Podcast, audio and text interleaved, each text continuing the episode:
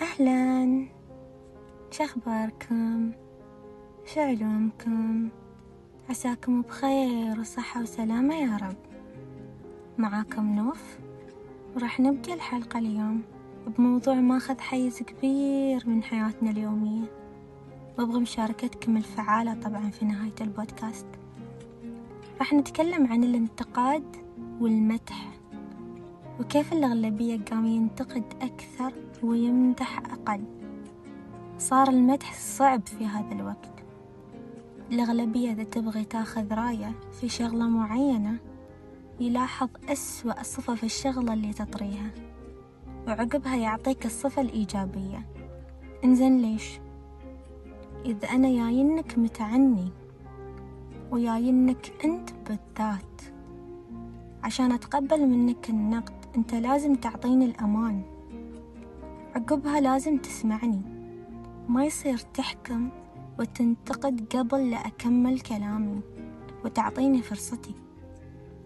وقبل لا تعطيني الصفة السلبية بادر بالإيجابية. مستحيل ما تكون في أي صفة إيجابية في الموضوع اللي طرحته. ما أقول لك جامل ولكن تمعن عدل. بتلقى صفة إيجابية. بعدها أذكر السلبيات على راحتك.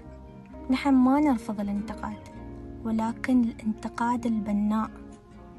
بهذه الطريقة راح أتقبل منك النقد ولازم ما ننسى الانتقاد ما يكون جارح ولا يكون باستهزاء ولا يكون في العلن. نحن نتقبل الانتقاد ولكن نرفض الإساءة. نرفض أنك تسيء لي بغرض أنك تنتقل على سبيل المثال أنا مدير وعندي موظفين ولكن عندي موظف محتاج شوية دافع حق الشغل. هني يكون دوري كمدير. أول شي أمدحه أمدح شغله أمدح انضباطه أشكره على الجهد اللي يبذله من عقبها أطرح السلبيات. أنت لو تحسن في الشغلة الفلانية أنت لو تزيد في الشغلة الفلانية هو راح يكون متقبل منك النقد بالعكس راح يشكرك وراح ينجز أكثر. مثال ثاني الأطفال. نحن نتبع سياسة النقد بغرض التشجيع. يعني ننتقد أطفالنا ونمدح عيال العمة وعيال الخالة والجيران. ولكن هذا الانتقاد راح يخلق بيئة فيها غيرة. وفيها غل على الأطفال. وهاي أبدا ما تكون بيئة صحية حق الطفل. أنت تتبع مع الأطفال سياسة التعزيز والعقاب.